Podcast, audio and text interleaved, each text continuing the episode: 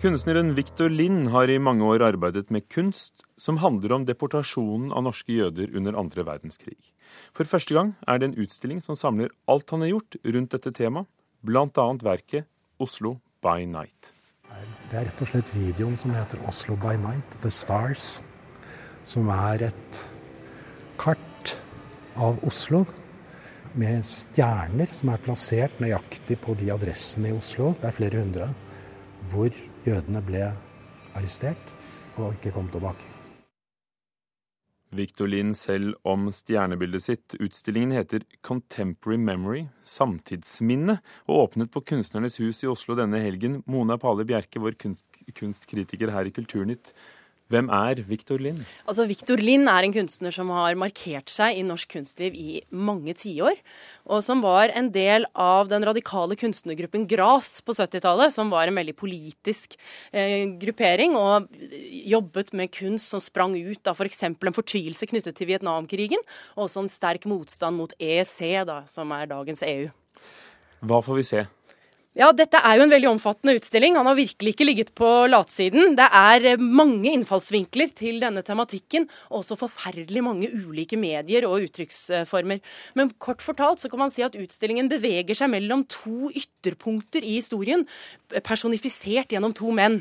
Det er eh, politimannen og NS-medlemmet eh, Knut Rød og, der, og på den andre siden da gartneren Rolf Alexander Syvertsen, som skjulte jøder og motstandsfolk i sitt gartneri og hjalp dem til å flykte over grensen til Sverige. Og denne politimannen Knut Rød han var jo på den annen side da den som ledet deportasjonen av jødene. Kan du nevne hvordan dette da blir i de konkrete arbeidene? Vi hørte litt om denne videoen, dette stjernebildet som han refererte til. Ja, Et slags hovedverk i utstillingen er jo prosjektet I'll Bring You Home eh, fra 1998. Og dette eh, nærmer seg den samme hendelsen som det som står sentralt i dette stjernebildet, nemlig den natten da jødene ble arrestert og brakt i drosjer og, og, tatt med i Donau over til Auschwitz. Sånn at, eh, og det har han skapt da, en symbolsk rekonstruksjon faktisk i 1998, hvor han fikk da 100 drosjer til å kjøre samme eh, runde på samme tidspunkt. Og som en sånn stille, meditativ sorgbearbeiding, en, en sorgens kortesje, kan man si. Og eh, det er jo innmari sterkt, for disse tomme taxiene de blir jo et sånt bilde på det fraværet som disse menneskene har etterlatt seg. Og dette prosjektet, som jo er et hendelseskunstverk, det er jo eh, representert gjennom fotografier men også gjennom en flerskjerms videoinstallasjon. Og her går man inn, inn blant disse videoprojeksjonene og som er da farget som store fargefelter. Han jobber jo med disse monokrome eller ensfargede feltene gjennom hele utstillingen. Og jobber da med de komplementære fargeartene. Rødt mot grønt. Det er blått mot oransje og gult, øh, gult mot fiolett. Hele tiden som et sånt øh, estetisk refreng i utstillingen. Og man opplever da i denne sterke videoinstallasjonen at den konstruerte hendelsen og den virkelige hendelsen flyter litt sammen. Og her viser viser han hvordan historien er en levende del av øyeblikket. Så det er både historisk og estetisk? Ja.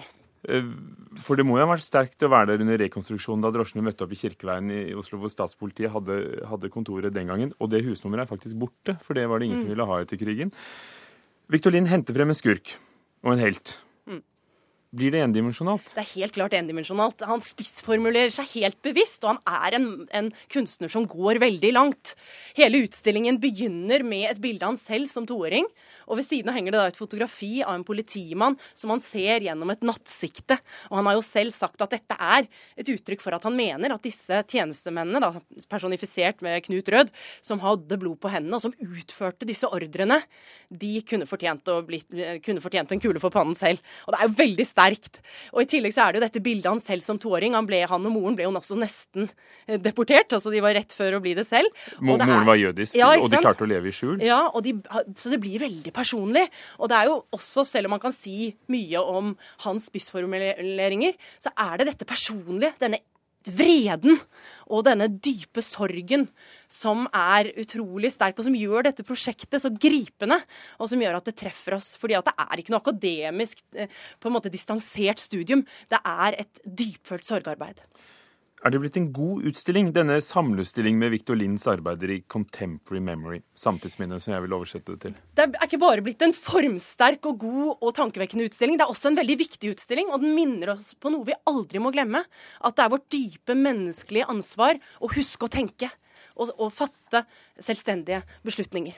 Mona Palle Bjerke, takk for at du hadde sett for oss eh, utstillingen til Victor Lind i Kunstnernes hus i Oslo. Så legger jeg til at i slutten av oktober så åpnet også en minnepark i dette gartneriet ved Carl Berners plass.